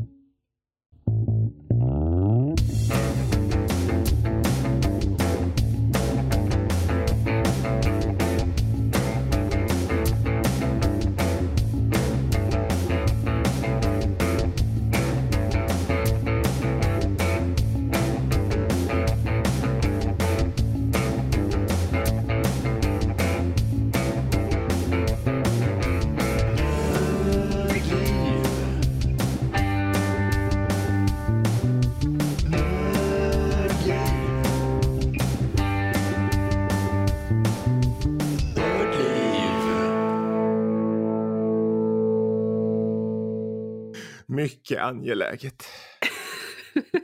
Vi borde ha ett sånt här Max-avsnitt mitt i veckan. Max bara, mm -hmm. Åh, ska vi prata om? Nej, vi skiter i det. Jag vägrar. Nej, nu får det nog. Nu går jag och sätter mig och spelar något annat. Hej då! Mm -hmm. Mycket angeläget. ja. jag, nästan och så den där lilla förnumstiga. Ja, precis. Jag tror alla ska ha det som en liten catchphrase nästan. Ju fort han kommer in i samtal eller någonting, då ska man mm. bara Ja, det är kul att du är här Max. Det är ju mycket angeläget. och han bara, ja det tycker jag med. Han får lite av den här... Ja. ja. eh, vad var det vi kallade honom? Eh, inte länsherre, utan vad fan var det för någonting? Um, var det någon sån godsägare? God, eller? Ja, precis. Godsägare Löfström. Mm. Han tappar monokeln. Han går runt vet med en sån här hagelbössa på, över armen så här och en liten så här. Mm. Uh, jägarmössa. En liten, en liten terrier eller något sånt där. Mm, liksom. I tweed. Du, terrier? Terrier? Oj. Du, nu vaknar hon här. Alltså det kommer inte en terrier och bor i mitt hus. Nej men den bor hos Max. I ladan för att han har köpt en terrier. Kommer... en vacker dag han kommer hem. Kolla vilken hund jag har fått med mig. En terrier. Mm -hmm. Lotta bröt nacken och har den direkt. Yep. Hon ligger där liksom på golvet och gnager runt uh, nacken på den stackars hunden.